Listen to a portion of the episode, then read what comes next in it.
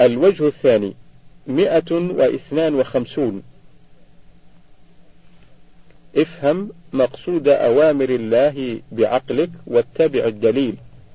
مدار الأمر كله على العقل فإنه إذا تم العقل لم يعمل صاحبه إلا على أقوى دليل. وثمرة العلم فهم الخطاب. وتلمح المقصود من الأمر. ومن فهم المقصود ومن فهم المقصود وعمل على الدليل كان كالباني على أساس وثيق وإني رأيت كثيرا من الناس لا يعملون على دليل بل كيف اتفق؟ وربما كان دليلهم العادات وهذا أقبح شيء يكون. ثم رأيت خلقا كثيرا لا يتبعون الدليل بطريق إثباته كاليهود والنصارى فإنهم يقلدون الآباء ولا ينظرون فيما جاء من الشرائع هل صحيح أم لا؟ وكذلك يثبتون الإله ولا يعرفون ما يجوز عليه مما لا يجوز فينسبون إليه الولد ويمنعون جواز تغييره ما شرع. وهؤلاء لم ينظروا حق النظر لا في إثبات الصانع وما يجوز عليه ولا في الدليل على صحة النبوات. فتقع أعمالهم ضائعة كالبان على رمل. ومن هذا القبيل في المعنى قوم يتعبدون ويتزهدون وينصبون أبدانهم في العلم بأحاديث باطلة ولا يسألون عنها من يعلم. ومن الناس من يثبت الدليل ولا يفهم المقصود الذي دل عليه الدليل. الهامش كمن يعرف طرق الأحاديث ودرجاتها ولم يستكمل أسباب الاجتهاد والاستنباط فيدع ما عليه الفقهاء ويأخذ بما فهم من الحديث وإن خالف فيه العلماء. انتهى الهامش. ومن هذا الجنس قوم سمعوا ذم الدنيا فتزهدوا. وما فهموا المقصود فظنوا أن الدنيا تذم لذاتها. وأن النفس تجب عداوتها فحملوا على أنفسهم فوق ما يطاق وعذبوها بكل نوع ومنعوها حظوظها جاهلين بقوله عليه الصلاة والسلام إن لنفسك عليك حقا وفيهم من أداته وفيهم من أدته الحال إلى ترك الفرائض ونحول الجسم وضعف القوى وكل ذلك لضعف الفهم للمقصود والتلمح للمراد كما روي عن داود الطائي الهامش هو داود بن نصير ولد في الكوفة ورحل إلى بغداد فأقام فيها إلى أن مات سنة ستين ومائة للهجرة. أخذ عن أبي حنيفة وغيره ثم اعتزل ولزم العبادة. انتهى الهامش. روي عن داود الطائي أنه كان يترك ماء في دن تحت الأرض فيشرب منه وهو شديد الحر. وقال لسفيان إذا كنت تأكل اللذيذ الطيب وتشرب الماء البارد المبرد فمتى تحب الموت والقدوم على الله؟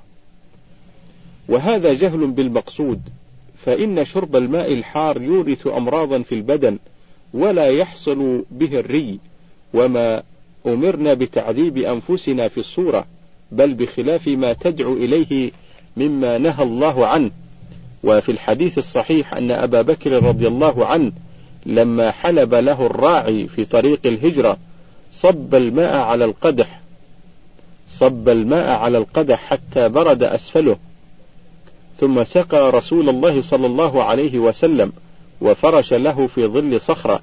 وكان يستعذب لرسول الله صلى الله عليه وسلم الماء وقال إن كان عندكم ماء بات في شن وإلا كرعنا.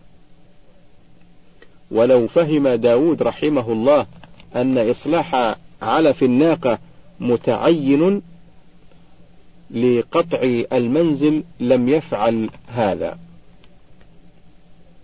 ألا ترى أن ألا ترى إلى سفيان الثوري؟ فإنه كان شديد المعرفة والخوف وكان يأكل اللذيذ ويقول إن الدابة إذا لم يحسن إليها لم تعمل. ولعل بعض من يسمع كلامي هذا يقول هذا ميل على الزهاد فأقول كن مع العلماء وانظر إلى طريق الحسن. ف وسفيان ومالك وأبو حنيفة. فأقول كن مع العلماء وانظر إلى طريق الحسن وسفيان ومالك وأبي حنيفة وأحمد والشافعي وهؤلاء أصول الإسلام. ولا تقلد في دينك من قل علمه وإن قوي زهده. واحمل أمره على أنه كان يطيق هذا ولا تقتدي بهم. فيما لا تطيقه فليس أمرنا إلينا. والنفس وديعة عندنا فإن أنكرت ما شرحته فأنت ملحق بالقوم الذين أنكرت عليهم. هذا رمز إلى المقصود والشرح يطول. مئة وثلاثة وخمسون. عجز الخلق عن فهم حكمة الخالق. أو عجز الخلق عن فهم حكمة الخالق. الواجب على العاقل أن يتبع الدليل ثم لا ينظر فيما يجني من مكروه. الهامش أي فيما ينتج عنه. انتهى الهامش. مثاله أنه قد ثبت بالدليل القاطع حكمة الخالق عز وجل وملكه وتدبيره. فإذا رأى الإنسان عالما محروما وجاهلا مرزوقا أوجب عليه الدليل المثبت حكمة الخالق التسليم إليه ونسبة العجز عن معرفة الحكمة إلى نفسه. فإن أقواما لم يفعلوا ذلك جهلا منهم أفتراهم بماذا حكموا بفساد هذا التدبير؟ أليس بمقتضى عقولهم؟ أو ما عقولهم من جملة مواهبه فكيف يحكم على حكمته وتدبيره ببعض مخلوقاته التي هي بالإضافة إليه أنقص من كل شيء؟ ولقد بلغني عن اللعين ابن الراوندي الهامش هو أحمد ابن يحيى متفلسف زنديق مات ببغداد سنة خمس وأربعين ومائتي للهجرة وهو أستاذ ملاحدة عصرنا وإمامهم وأستاذ الجميع إبليس. انتهى الهامش.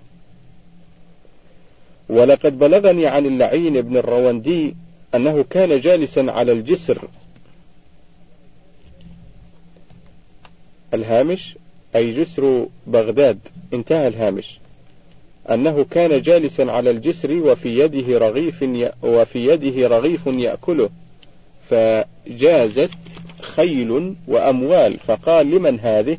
فقيل لفلان الخادم. فجازت خيل وأموال فقال لمن هذه؟ فقيل لفلان الخادم. فلما مر الخادم رأى شخصا محتقرا فرمى الرغيف إلى ناحيته وقال وهذا لفلان؟ ما هذه القسمة؟ ولو فكر المدبر لبانت له وجوه أقلها جهله بمن يدعي معرفته وقلة تعظيمه. ولو فكر المدبر لبانت له وجوه أقلها جهله بمن يدعي معرفته وقلة تعظيمه. وذلك يوجب عليه أشد مما كان فيه من تضييق العيش ولكنه ميراث إبليس حيث اعتقد سوء التدبير في تفضيل آدم عليه السلام.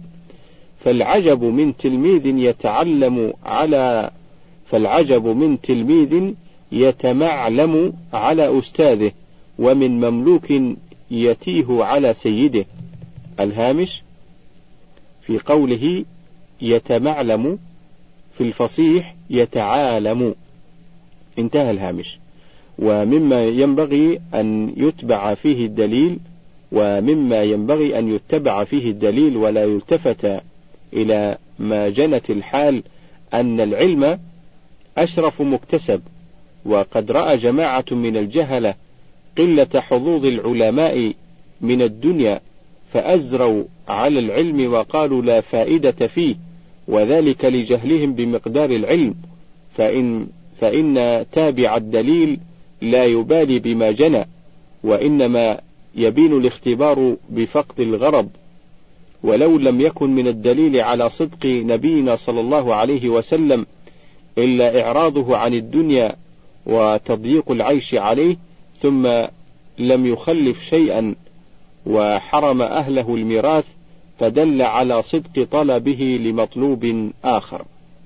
وربما رأى الجاهل قوما من العلماء يفعلون خطيئة فيزري على العلم ويدعيه ناقصا وهذا غلط كبير. الهامش وهو كثير في أيامنا ينسبون النقص إلى الدين وإذا رأوا في بعض المشايخ نقصا وهو كثير في أيامنا ينسبون النقص إلى الدين إذا رأوا في بعض المشايخ نقصا وإنما النقص ممن نقص وإنما النقص من نقص والدين بريء منه. انتهى الهامش. فليتق الله العاقل وليعمل بمقتضى العقل فيما يأمر به من طاعة الله تعالى والعمل بالعلم. وليعلم أن الابتلاء في الصبر على فوات المطلوبات وليلزم اتباع الدليل وإن جنى مكروها والله الموفق. مئة وأربعة وخمسون. موافقة هوى النفس ومخالفته. قرأت سورة يوسف عليه السلام فتعجبت من مدحه عليه السلام على صبره وشرح قصته للناس ورفع قدره بترك ما ترك. فتأملت خبيئة الأمر فإذا هي مخالفة للهوى والمكروه فإذا هي مخالفة للهوى المكروه فقلت وعجبا لو وافق هواه من كان يكون. ولما قد خالفه لقد صار أمرا عظيما يضرب الأمثال بصبره ويفتخر على الخلق باجتهاده. وكل ذلك قد كان بصبر ساعة فيا له عزا وفخرا. ويقاوم كل لحظة من ذكره أمثال ساعة الصبر عن المحبوب.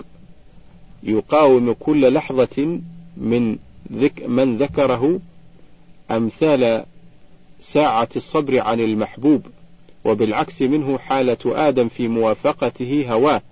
لقد عادت نقيصة في حقه أبدا لولا التدارك فتاب عليه.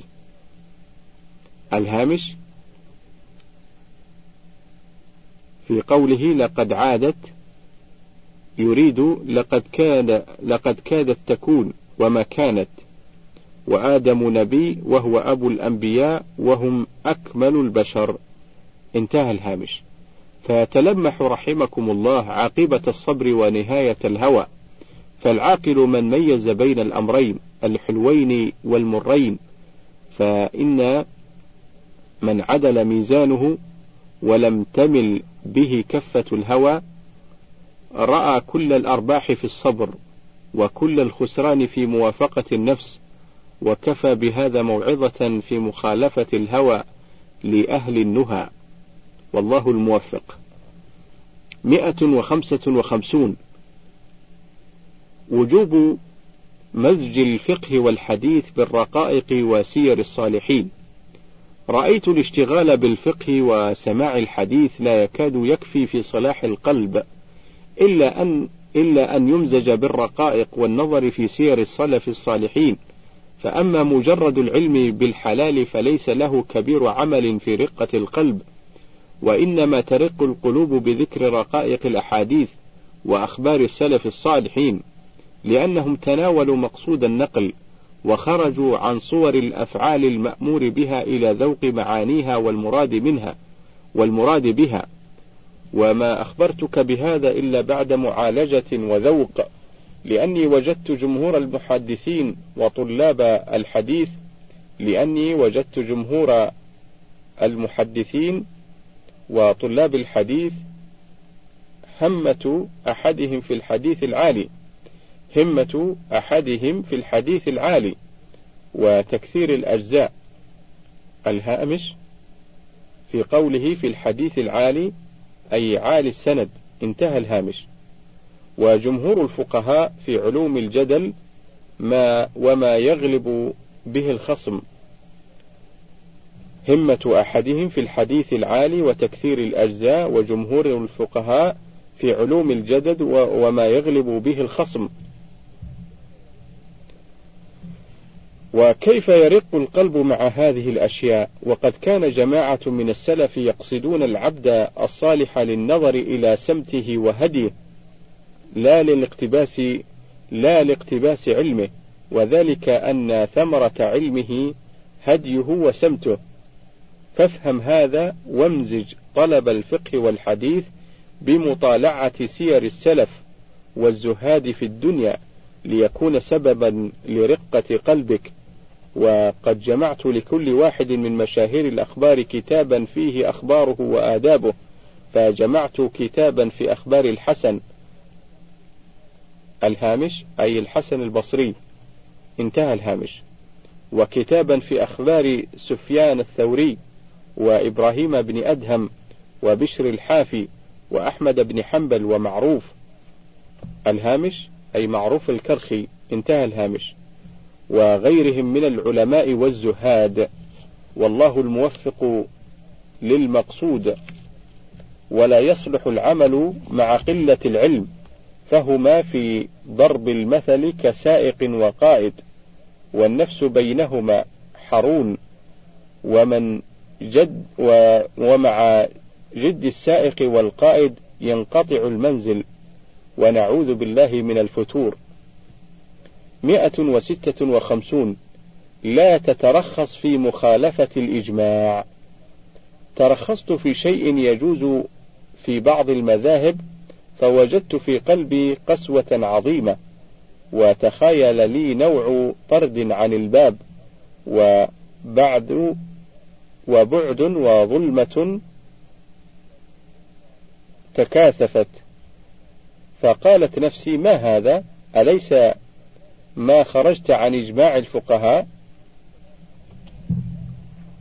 فقلت لها يا نفس فقلت لها يا نفس السوء جوابك من وجهين. أحدهما أنك تأولت ما لا تعتقدين. فلو استفتيت لم تفتي بما فعلت. قالت لو لم أعتقد جواز ذلك ما فعلته. فلو استفتيت لم تفتي بما فعلت. قالت لو لم أعتقد جواز ذلك ما فعلته. قلت ألا إن اعتقادك هو ما ترضيه. فقلت ألا إن اعتقادك هو ما ترضينه لغيرك في الفتوى. والثاني أنه ينبغي لك الفرح بما وجدت من الظلمة عقيب ذلك لأنه لولا نور في قلبك ما أثر مثل هذا عندك.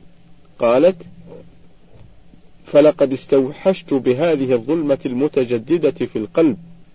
قلت فاعزمي على الترك وقدري ما تركت جائزا بالإجماع وعدي هجره ورعا وقد سلمت. مئة وسبعة وخمسون. لا تظاهر أحدا بالعداوة. مما أفادني تجارب الزمان أنه لا ينبغي لأحد أن يظاهر بالعداوة أحدا مهما استطاع فإنه ربما يحتاج إليه. وأن الإنسان قد لا يظن الحاجة إليه يوما كما قد يحتاج إلى عويد منبوذ لا يلتفت إليه. الهامش في قوله عويد أي عود صغير. انتهى الهامش. وكم من محتقر احتيج إليه. وإن لم تقع الحاجة إلى ذلك الشخص في جلب نفع وقعت الحاجة وقعت الحاجة في دفع ضر. ولقد احتجت في عمري إلى ملاطفة أقوام ما خطر لي قط وقوع الحاجة إلى التلطف بهم. واعلم أن المظاهرة بالعداوة قد تجلب أذى من حيث لا يعلم لأن المظاهر بالعداوة كشاهر السوف كشاهر السيف ينتظر مضربا وقد يلوح مضرب خفي وإن اجتهد المتدرع في ستر نفسه فيغتنبه ذلك العدو. فينبغي لمن عاش في الدنيا أن يجتهد في ألا يظاهر بالعداوة أحدا لما بينت من وقوع احتياج الخلق بعضهم إلى بعض وإقدار بعضهم على ضرر بعض. وهذا فصل مفيد تبين فائدته للإنسان مع تغلب الزمان. مئة وثمانية وخمسون لذات الدنيا ممزوجة بالآفات والمنغصات. رأيت أن النفس تنظر إلى لذات أرباب الدنيا العاجلة وتنسى كيف حصلت وما يتضمنها من الآفات. وبيان هذا أنك إن رأيت صاحب أمارة وسلطنة فتأملت نعمته وجدتها مشوبة بالظلم.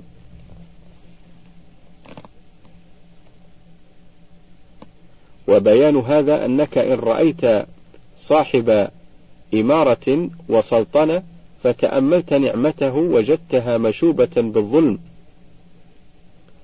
فإن لم يقصده هو حصل من عماله ثم هو خائف منزعج في كل أموره جذر من عدو أن يسمه. أو حذر من عدو أن يسمه قلق ممن هو فوقه أن يعزله ومن نظيره أن أن يكيده. ثم أكثر زمانه يمضي في خدمة من يخافه من السلاطين وفي حساب أموالهم وتنفيذ أوامرهم التي لا تخلو من أشياء منكرة. وإن عزل أربى ذلك على جميع ما نال من لذة.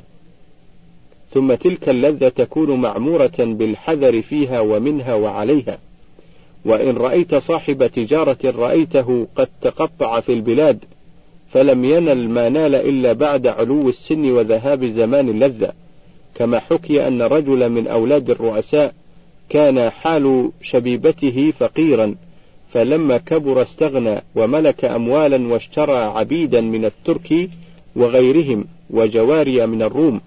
فقال هذه الأبيات في شرح حاله ما كنت أرجوه إذ كنت ابن عشرين ملكته بعد أن جاوزت سبعين بعد أن جاوزت سبعين تطيف بي من بني الأتراك أغزلة مثل الغصون على كثبان يبرين وخرد من بنات الروم رائحة رائعة يحكين بالحسن حور الجنة العين. يغمزنني بأساريع منعمة. الهامش أساريع الإسروع. في الأصل لفظ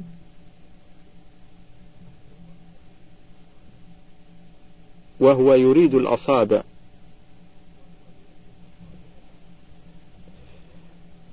يغمزنني بأساريع منعمة تكاد تعقد من أطرافها لينا. يردن إحياء ميت لا حراك به وكيف يحيين ميتا صار مدفونا. قالوا أنينك طول الليل يسهرنا فما الذي تشتكي؟ قلت الثمانين. وهذه الحالة هي الغالبة فإن الإنسان لا يكاد يجتمع له كل ما يحبه إلا عند قرب رحيله. فإن بدر ما يحب في بداية شبابه فالصبوة مانعة من فهم التدبير في الالتذاذ.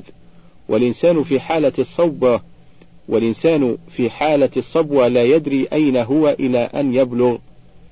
فإذا بلغ كانت همته في المنكوح كيف اتفق؟ وإن تزوج جاء الأولاد فمنعوه اللذة وانكسر في نفسه وافتقر إلى الكسب عليهم.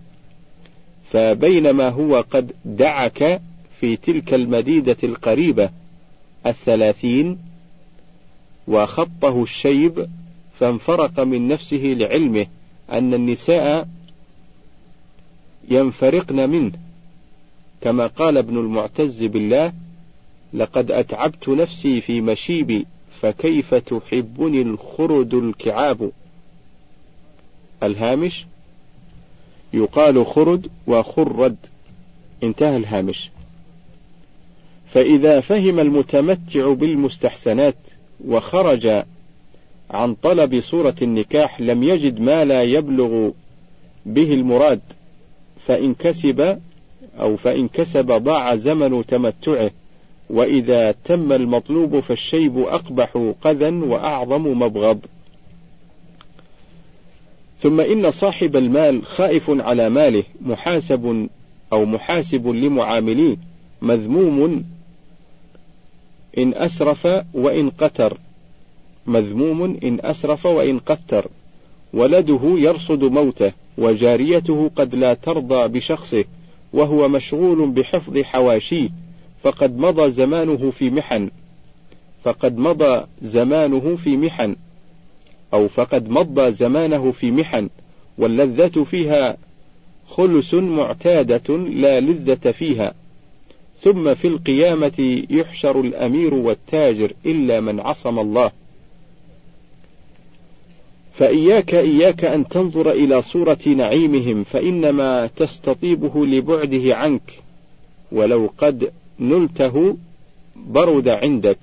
ثم في ضمنه من محن الدنيا والآخرة ما لا يوصف. فعليك بالقناعة مهما أمكن ففيها سلامة الدنيا والدين.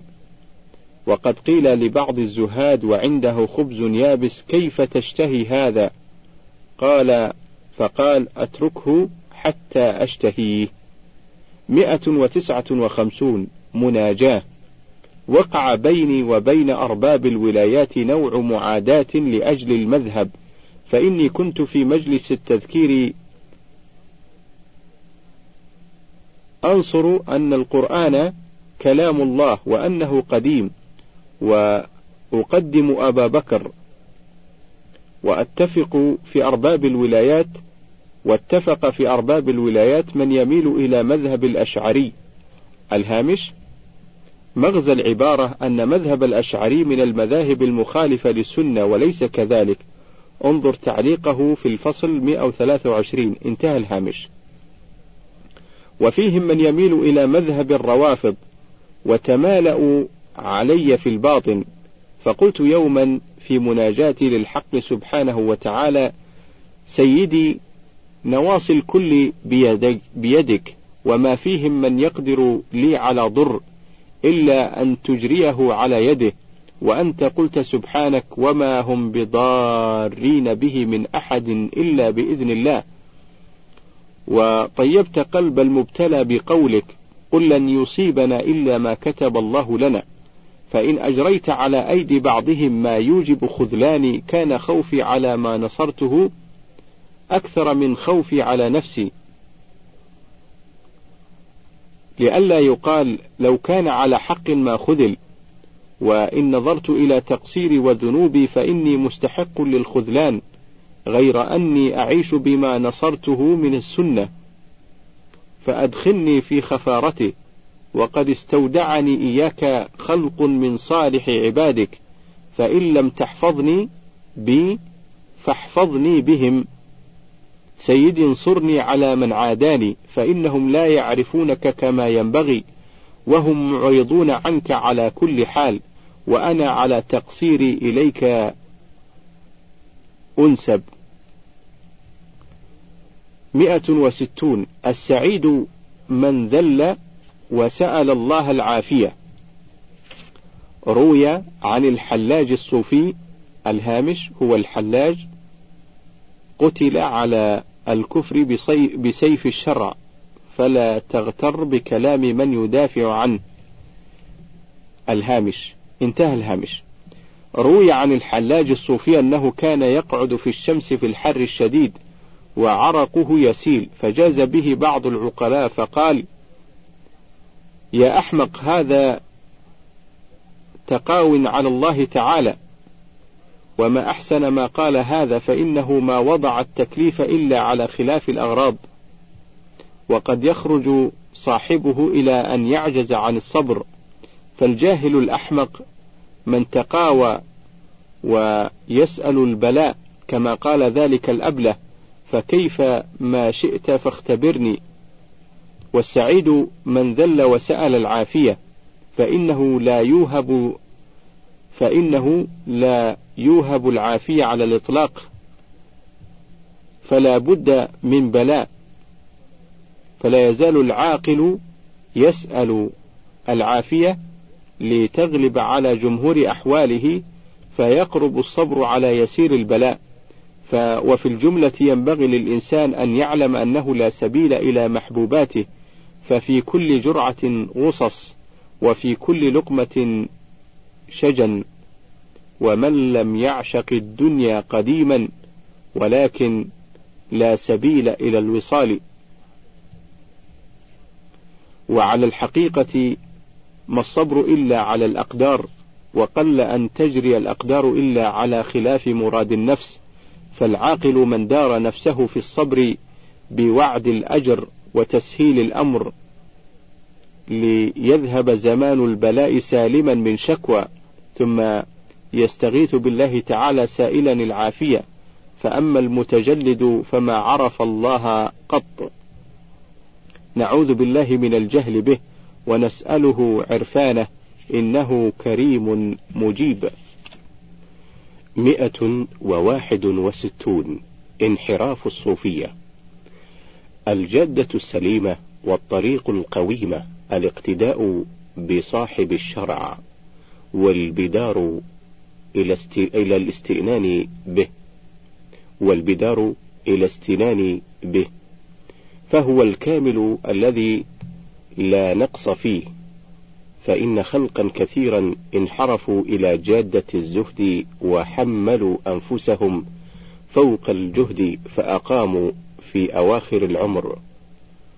والبدن قد نهك والبدن قد نهك وفاتت أمور مهمة من العلم وغيره وإن أقواما انحرفوا إلى صورة العلم فبالغوا في طلبه.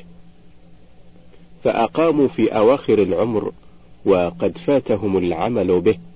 فطريق المصطفى صلى الله عليه وسلم العلم والعمل والتلطف بالبدن كما أوصى عبد الله بن عمرو بن العاص وقال له إن لنفسك عليك حقا ولزوجك عليك حقا. فهذه هي الطريق الوسطى المفضلة. فهذه هي الطريق الوسطى الفضلى. فأما اليبس المجرد فكم فوت من علم ولو حصل نيل به أكثر مما نيل بالعمل. فكم فوت من علم لو حصل نيل به أكثر مما نيل بالعمل. فإن مثل العالم فإن مثل العالم كرجل يعرف الطريق والعابد جاهل بها والعابد جاهل بها. الهامش في قوله العابد أي العابد بلا علم. أما العالم العابد فهو الذي جمع الخير كله والعبادة الصحيحة هي غاية الخلق. فمن علم ولم يعمل كان علمه حجة عليه يوم يقوم الحساب. انتهى الهامش. والعابد جاهل بها فيمشي العابد من الفجر إلى العصر ويقوم العالم قبيل العصر فيلتقيان وقد سبق العالم فضل شوطه. فإن قال قائل بين لي هذا قلت صورة التعبد خدمة لله تعالى وذل له وربما لم يطلع العابد على معنى تلك الصورة لأنه ربما ظن أنه, أنه أهل لأنه ربما ظن أنه أهل لوجود الكرامة على يده وأنه مستحق تقبيل يده. أو أنه خير من كثير من الناس وذلك كله لقلة العلم. وأعني بالعلم فهم أصول العلم لا كثرة الرواية والمطالعة. لا كثرة الرواية ومطالعة مسائل الخلاف. فإذا طالع العالم الأصولي سبق هذا العابد بحسن خلق ومداراة الناس. وتواضعه في نفسه وإرشاده الخلق إلى الله تعالى. فيعسر هذا على العابد وهو في ليل جهله بالحال راقد. ربما تزوج العابد ثم حمل نفسه على التجفف فحبس زوجته عن مطلوبها ولم يطلقها. وصار كالتي حبست الهرة فلا هي أطعمتها ولا هي أرسلتها تأكل من خشاش الأرض. الهامش وأصله دخلت النار امرأة في هرة حبستها إلى آخره. انتهى الهامش. ومن تأمل حالة الرسول صلى الله عليه وسلم رأى كاملا من الخلق يعطي كل ذي حق حقه. فتارة يمزح وتارة يضحك ويداعب الأطفال ويسمع الشعر ويتكلم بالمعاريض ويحسن معاشرة النساء ويأكل ما قدر عليه وفتح له. وإن كان لذيذا كالعمل وإن كان لذيذا كالعسل ويستعذب ويستعذب له الماء. ويفرش له في الظل ولا ينكر ذلك. ولم يسمع عنه بمثل ما حدث بعده من جهال المتصوفة والمتزهدين من منع النفس شهواتها على الإطلاق فقد كان يأكل البطيخ بالرطب ويقبل ويمص اللسان ويطلب المستحسنات. فأما أكل خبز الشعير ووزن المأكول وتجفيف البدن وهجر كل مشتهى فإنه تعذيب للنفس وهدب للبدن لا يقتضيه عقل ولا يمدحه شرعا وإنما اقتنع وإنما اقتنع أقوام بالقليل لأسباب مثل أن حدثت شبهة فتقللوا. أو اختلط طعام بطعام فتورعوا. ثم كان النبي صلى الله عليه وسلم يوفي العبادة حقها بقيام الليل والاجتهاد في الذكر. فعليك بطريقته التي هي أكمل الطرق وبشرعته التي لا شوب فيها. ودع حديث فلان وفلان من الزهاد واحمل أمرهم على أحسن محمل. وأقم لهم الأعذار مهما قدرت فإن لم تجد عذرا فهم محجوجون بفعله. إذ هو قدرة الخلق إذ هو قدوة الخلق وسيد العقلاء. وهل فسد الناس إلا بالانحراف عن الشريعة؟ ولقد حدثت آفات من المتصوفة والمتزهدين خرقوا بها شبكة الشريعة. وعبروا فمنهم من يدعي المحبة والشوق ولا يعرف المحبوب. فتراه يصيح ويستغيث ويمزق ثيابه ويخرج عن حد الشرع بدعواه ومضمونها. ومنهم من حمل على نفسه بالجوع والصوم الدائم. وقد صح عن النبي صلى الله عليه وسلم أنه قال لعبد الله بن عمر صم يوما وأفطر يوما.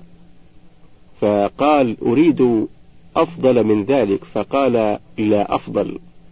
وفيهم من خرج إلى السياحة فأفاءت نفسه الجماعة. وفيهم من دفن كتب العلم وقعد يصلي ويصوم.